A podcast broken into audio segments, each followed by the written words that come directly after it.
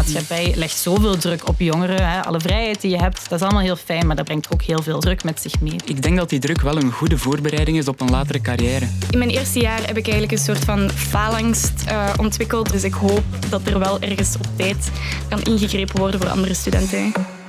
It's that time of the year. We zitten midden in de blok. Voor velen betekent dat de leerstof van een heel jaar in hun hoofd rammen op twee weken. Recent is er een groot onderzoek gevoerd waaruit blijkt dat studenten veel druk ervaren. Door te veel taken, te hoge verwachtingen van ouders en te weinig begeleiding, onder andere. Waarom is het zo moeilijk en moet de universiteit daar iets aan doen? Ja, zegt Hanne. Nee, zegt Anton. En Femme die probeert er al iets aan te doen. Uh, zij zitten alle drie rond mij aan tafel. Welkom, Hanne, Jij bent 21 jaar, jij komt uit Antwerpen. Welkom, jij bent een student communicatiewetenschappen aan de UGent. Uh, en jij vindt dat het, dat het onderwijs meer op maat moet. Uh, ja, dat klopt. Uh, ik, ben ook, ik heb daar zelf ook ervaring mee en ik ken heel veel mensen rond mij die struggelen met de spanning rond studeren. Anton Schelfout, jij bent 22 jaar, je komt uit Bornem en jij bent ook student aan de UGent en jij bent net verkozen in het raad van bestuur van de universiteit. Toevallig met het standpunt dat je niet per se iedereen moet meekrijgen aan de universiteit. Klopt, ik vind dat de universiteit steeds de beste mensen in hun vakgebied moet afleveren. En uh, Femme Swinnen, hallo, jij bent 25 en je komt uit Antwerpen. Uh, en jij bent een medewerker studentenwelzijn aan de Universiteit van Antwerpen. Wat betekent dat precies? Wij proberen studenten um, een zo fijn mogelijke studententijd te laten beleven aan de Universiteit van Antwerpen door in te zetten op hun welzijn op allerlei verschillende manieren eigenlijk. Alright. Moet het systeem zich aanpassen aan de studenten of moeten studenten zich aanpassen aan het systeem? Dat hoor je in deze aflevering. Ik ben Aurélie en je luistert naar Snapt je mij nu?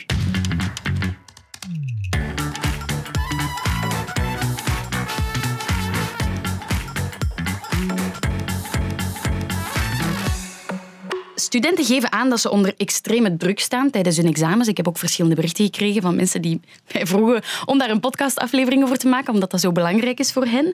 En dat bevestigt ook de Vlaamse Vereniging van Studenten, die eind 2021 onderzoek deden naar um, het mentaal welzijn van studenten. En Julien de Wit, die is daar bestuurder, en hij vertelde mij dit. Studiedruk op zich is geen groot probleem. Wel is het problematisch wanneer die studiedruk ja, bijna altijd voorkomt. En 45% van de studenten geeft aan meestal tot altijd studiedruk te ervaren, wat dat dan wel eens een eh, hinderpaal kan vormen voor het mentaal welzijn van studenten. Hanne, hoe zit het met jouw mentale gezondheid? Um, ja, dit semester heb ik een heel rustig semester, dus valt dat heel goed mee. Um, maar het is al wel anders geweest.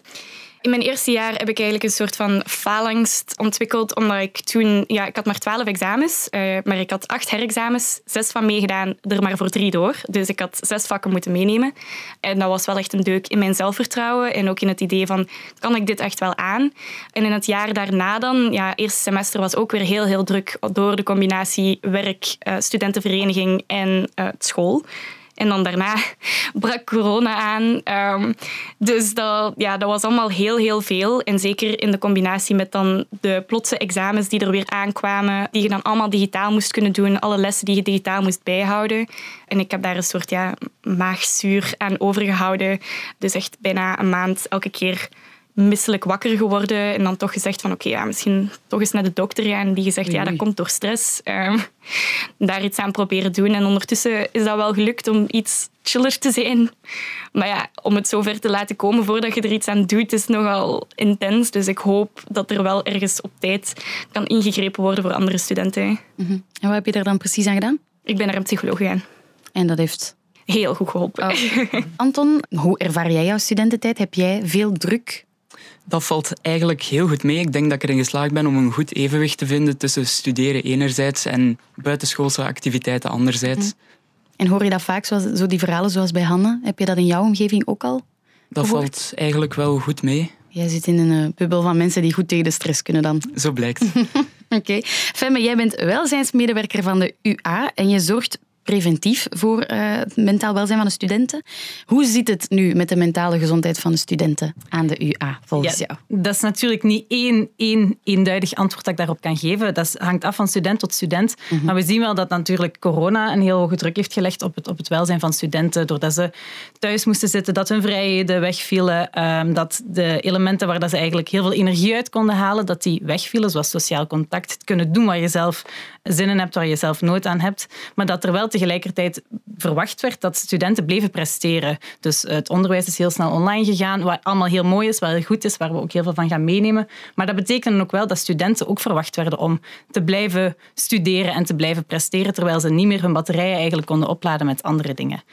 Los van corona zien we natuurlijk ook dat, dat studenten sowieso in een, een specifieke levensfase zitten. Die 18 tot 24 jaar, dat is eigenlijk een levensfase waarin dat je aan identiteitsontwikkeling doet, waarin dat je dingen gaat exploreren, dat je gaat experimenteren, jezelf gaat zoeken. En dat legt ook tegelijkertijd veel druk op studenten. Dus enerzijds brengt dat heel veel kansen met zich mee, maar anderzijds zien we ook wel dat dat niet voor elke student even gemakkelijk is om, om naar zichzelf op zoek te gaan en te weten hoe dat hij zijn, haar, die weg, eigen weg in het leven um, kan vinden. Mhm.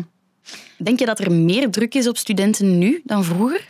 De verwachtingen naar, naar studenten toe zijn volgens mij gewoon heel anders. Heel andere vaardigheden die ze moeten afleveren om op de arbeidsmarkt uh, mee te kunnen.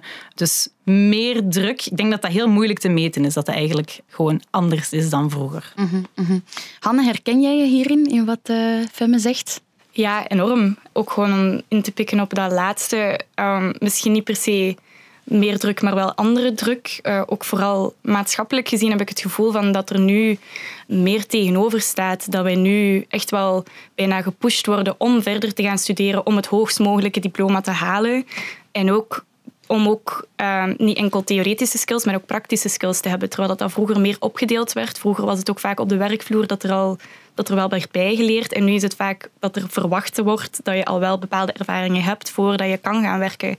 En ik denk dat dat heel, bij heel veel studenten in het achterhoofd speelt. En ja, het, er nog extra druk op legt van oei, ik moet hier echt wel presteren en ik moet het hier goed doen om op latere dag wel ook iets te kunnen doen wat ik leuk vind. Het wordt ook effectief moeilijker, heb ik van verschillende mensen gehoord. Ik heb eh, Marieke de Vos aan de lijn gehad van de Erasmus Hogeschool in Brussel en zij vertelde mij dit.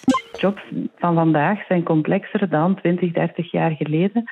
En dat maakt ook dat wij studenten niet alleen moeten voorbereiden op zo'n hard skills die bij een job komen kijken, maar dat soft skills ook enorm belangrijk geworden zijn. Uh, iemand die IT studeert, is niet meer voldoende dat hij heel goed met een computer kan werken en daar alles van kent.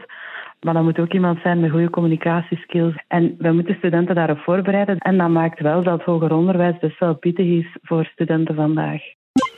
Ja, best wel pittig. Veel uitgebreider dan vroeger, veel meer skills. Hebben jullie daar last van, Anton en Hanna?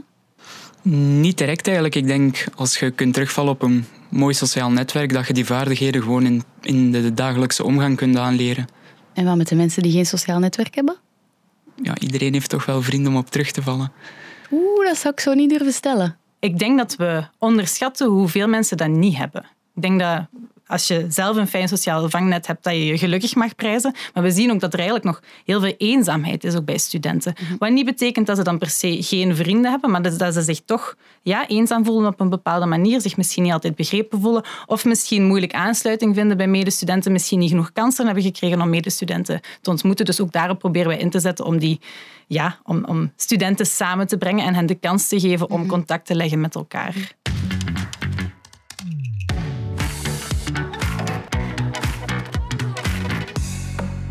Anton, ervaar jij die druk die uh, Femme en Hannen hier aanhalen of uh, heb je daar absoluut geen last van? Dat valt eigenlijk heel goed mee, maar ik denk dat die druk wel een goede voorbereiding is op een latere carrière. Dus in dat opzicht denk ik wel dat zo'n universitaire opleiding zeer waardevol kan zijn. Femme, ik zie jou knikken. Ik zie, ja, je ziet mij knikken inderdaad, omdat ik mij er wel in kan vinden inderdaad, dat je moet voorbereid zijn op de druk die in het werkleven of op de arbeidsmarkt op je af gaat komen. Maar we moeten daar wel studenten ook de tools voor geven om daarmee om te gaan. Ik denk niet dat we zomaar moeten zeggen, hier is een hele bak stress en een hele bak druk, want die ga je later ook krijgen. Nee, we moeten studenten handvaten aanreiken, zodat ze veerkrachtig kunnen zijn, zodat ze weten hoe ze grenzen kunnen stellen, um, om daar later in het leven mee om te kunnen gaan. Vind jij, Anton, dat de universiteit die handvaten moet uh, bezorgen aan studenten? Nee, dat vind ik niet. Ik vind niet dat de universiteit daar middelen moet in investeren, omdat er al genoeg organen zijn buiten de universiteit dan die die hulp kunnen aanbieden. Zoals? Er zijn organisaties genoeg. Ik kan er nu niet meteen een paar opnoemen, maar... De studenten zouden enkel extern met hun mentale problemen ja, moeten de universiteit kan zeker een aanspreekpunt aanbieden en dan de studenten doorverwijzen naar die externe organisaties. Femma, ga je daarmee akkoord? Daar ga ik uh, ja, niet mee akkoord. Niet mee akkoord klinkt een beetje bruut, maar ja, ik, ik snap dat je zegt kwaliteitsvol onderwijs is belangrijk. Dat is ook waar wij heel hard voor gaan. Maar bij ons gaat dat kwaliteitsvol onderwijs ruimer dan enkel de vakken of enkel uh, de opleidingsonderdelen die gegeven worden, omdat student zijn veel meer is dan studeren alleen. We hebben een, een aanspreekpunt, een studenteninformatiepunt, uh, waar de studenten terecht kunnen. Maar we hebben ook een heel mooi team studentenpsychologen die ook doorverwijzen als het nodig is. Dus als we de studenten zelf kunnen begeleiden, dan doen we dat. Maar als zien dat er een intensieve begeleiding nodig is of als het een heel specifieke situatie is, dan verwijzen wij ook door. Maar ik denk wel dat de waarde van onze studentenpsychologen er wel in ligt dat zij de context heel goed kennen, dat zij heel goed weten wat het student zijn met zich meebrengt. Niet de andere psychologen dat niet weten, maar die studentenpsychologen ja, die werken echt aan onze universiteit. Die zijn ook aanwezig in onze universiteit. Uh, je moet één trap naar boven gaan en daar staat de studentenpsycholoog klaar. Dus ik denk dat dat de drempel ook wel heel hard verlaagt um, om die stap te durven zetten naar een studentenpsycholoog. Dus jij vindt het heel belangrijk om dat in-house te doen?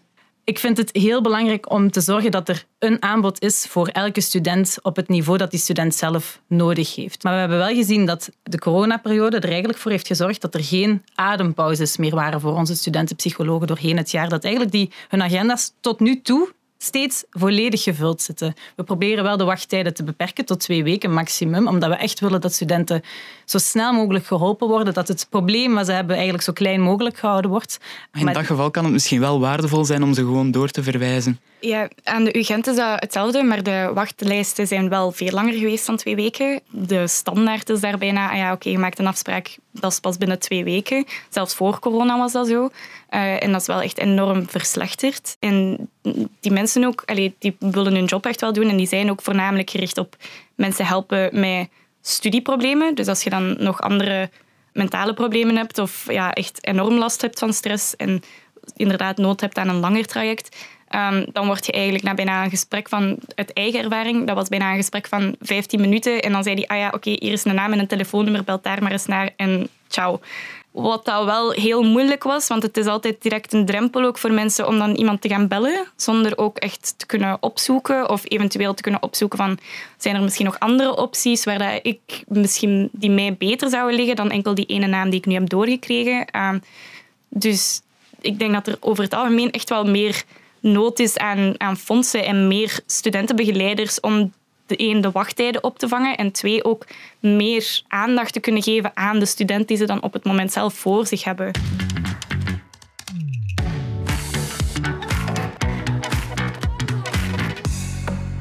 Hoger onderwijs is nu ook toegankelijker dan vroeger. Er zijn veel meer profielen die op de schoolbanken terechtkomen dan vroeger. Is dat een goede zaak? Moet een universiteit voor iedereen toegankelijk zijn, Anton? Absoluut. Een universiteit moet elitevormend zijn en niet elitair. Elitair in die zin, enkel mensen met genoeg geld kunnen aan de universiteit studeren. Oké, en wat bedoel je dan met elitevormend? Ja, gewoon de beste mensen opleiden. Mm Moet een universiteit iedereen meekrijgen? Meekrijgen, ja, in zekere zin wel, maar ook niet tot in het oneindige. Wat bedoel je daarmee? Ja, studeren dat kost nu eenmaal veel geld voor de maatschappij en de bijdrage die wij zelf leveren, die valt al bij al nog wel heel goed mee in België. Dus in die zin kun je niet eindeloos blijven teren op die maatschappelijke gelden. Mhm. Wat bedoel je met eindeloos? Meerdere jaren. Hoe vaak kunnen mensen op hun gezicht gaan voor jou? Ja, als het in het eerste jaar niet lukt, vind ik zeker dat studenten de mogelijkheid moeten hebben om zich te heroriënteren. Mhm. Zo drie keer je eerste jaar opnieuw doen. Ik denk dat niemand daarbij gebaat is. Mhm. Gebaat is. Zowel de student zelf niet als de universiteit. Alright. En bij uitbreiding de maatschappij. En vind je dat dat nu te veel gebeurt? Gewoon, het is daar net eigenlijk al aangehaald. Hè. Net omdat er verwacht wordt dat iedereen een universitair diploma haalt, denk ik dat mensen noodloos blijven proberen, terwijl dat ze veel beter zouden aarden in een andere richting of aan een hogeschool dan. Vind Wat dat totaal geen schande is, voor alle duidelijkheid. De profielen die het moeilijker hebben in het hoger onderwijs zijn wel nog steeds, en dat blijkt uit dat onderzoek van ehm, de VVS, zijn studenten uit de LGBTQ-community, zijn studenten met een moeilijkere financiële achtergrond en studenten met een migratieachtergrond. Moeten we die mensen dan niet extra begeleiden? Ja, in het eerste jaar moet daar zeker ruimte voor zijn, vind ik.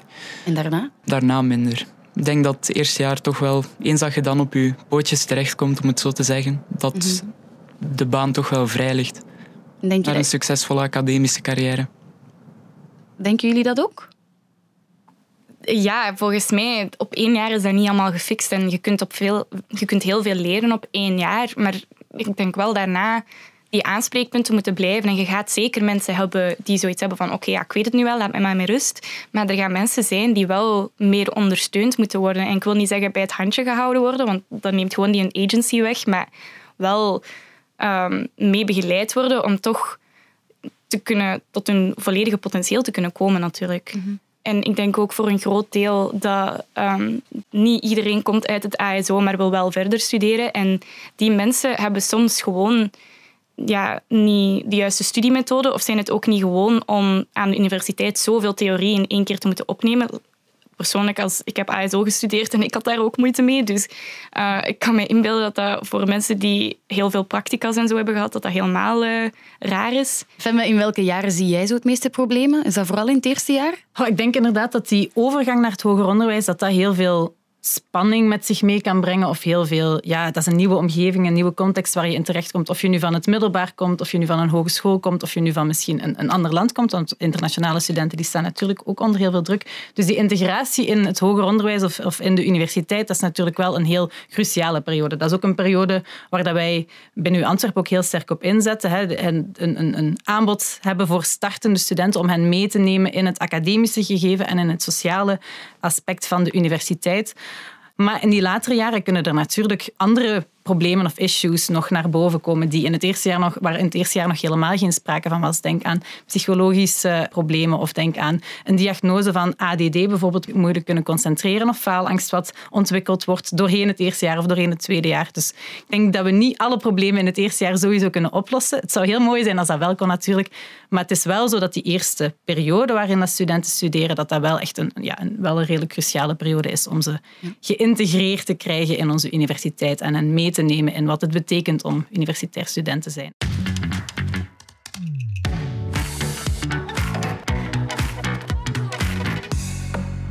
Je komt dan als 18-jarige aan op een universiteit. Je komt van de middelbare school, waar wel veel begeleiding is. En je wordt dan ineens losgelaten. Uh, veel mensen gaan dan uh, vol een bak feesten en, en uh, kunnen zelf niet zo heel goed met hun deadlines om. Dat lijkt mij toch wel een gevoelige leeftijd, nee, ja, ja de, de leeftijd van, van 18 tot 24 jaar is echt een leeftijd waarin de studenten op zoek gaan naar zichzelf. En zeker als ze dan eigenlijk een hele bak vrijheid krijgen op de universiteit, ja, dan is het aan de student zelf om te kijken wat ga ik doen met die vrijheid, hoe ga ik die invullen. Sommige studenten gaan misschien naar het ene uiterste en zetten alles aan de kant voor hun studie. Andere studenten gaan misschien naar het andere uiterste en denken, oh, dat feesten en nieuwe mensen leren kennen. Dus we zien in onderzoek inderdaad dat 75% van de mentale gezondheidsproblemen die ontstaan bij volwassenen, dat die eigenlijk een oorsprong hebben in de leeftijd voor 25 jaar. De maatschappij legt zoveel druk op, op jongeren, hè. alle keuzemogelijkheden die er zijn zijn, alle keuzes die je zelf moet maken, alle vrijheid die je hebt, dat is allemaal heel fijn, maar dat brengt ook heel veel druk met zich mee. Dus uh, ja. Hadden jullie genoeg begeleiding in jullie eerste jaar? Ja, ik ben van Antwerpen, maar ik studeer in Gent. Dus dat was dan een volledige andere stad, ook op kot. Enkel mijn beste vriend vanuit het middelbaar is mee naar Gent gegaan. Uh, dus veel nieuwe vrienden maken ook, uh, veel nieuwe mensen leren kennen en iets te veel in het studentenleven duiken en te denken van, oh, die examens die zijn nog ver weg. En dan plots was het november, december en denk je, ah, oei. Dus voor mij had het wel gemogen om, om daar iemand te hebben die echt wel zegt van... Um, kijk eens in uw boek. Anton, ben jij nooit tegen de lamp gelopen? Ja, uiteraard heb ik wel eens een herexamen gehad, maar... Nooit te veel gefeest? Af en toe.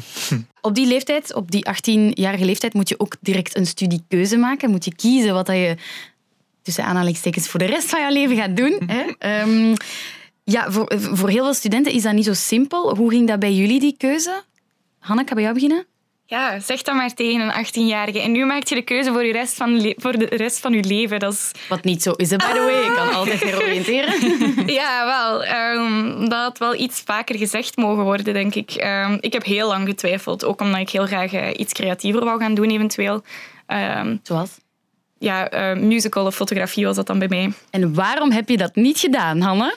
Door de reacties van, oh, zou je niet beter eerst een deftig diploma gaan halen uh, en dan kun je daarna nog zien. Dus ik heb eigenlijk ook... Zo half... ik heb exact hetzelfde meegemaakt. ik wou ook musical gaan Echt? Ja, zijn nee, eerst met een geldig diploma afkomen. Ja, dat is niet meer... Bij alle, voor alle musicalmessen bij deze. Ja, um, maar het is een beetje out of spite. Misschien zelfs in mijn 18-jarige hoofd uh, dan gezegd van oké, okay, ik zal wel UNIF gaan doen, kan dat toch wel. En dan, ja, hier ben ik nu. Hè. Bijna mijn bachelor afgewerkt, volgend jaar mijn master hopelijk. Um, en proficiat. Ja, dank u. Uiteindelijk geen spijt van gehad van communicatiewetenschappen te gaan studeren. Maar ik denk wel dat het uh, na volgend jaar tijd is voor iets creatiefs. Mm Anton, hoe was dat bij jou voor jouw studiekeuze? Ik heb eigenlijk tot op het laatste moment getwijfeld. Ik heb eigenlijk pas midden september, net voor de start van het academiejaar, de knoop doorgehaakt. Mhm. Om communicatiewetenschap te gaan studeren dan. En uh, heb je dat, wat, wat wou je anders doen? Goh, ik heb eigenlijk verschillende opties overwogen. Rechten bijvoorbeeld, politieke wetenschappen. Maar ja, uiteindelijk moet je toch de knoop doorhakken. Maar geen musical. Nee, dat heb ik nooit overwogen. Ik ben niet het uh, creatieve type.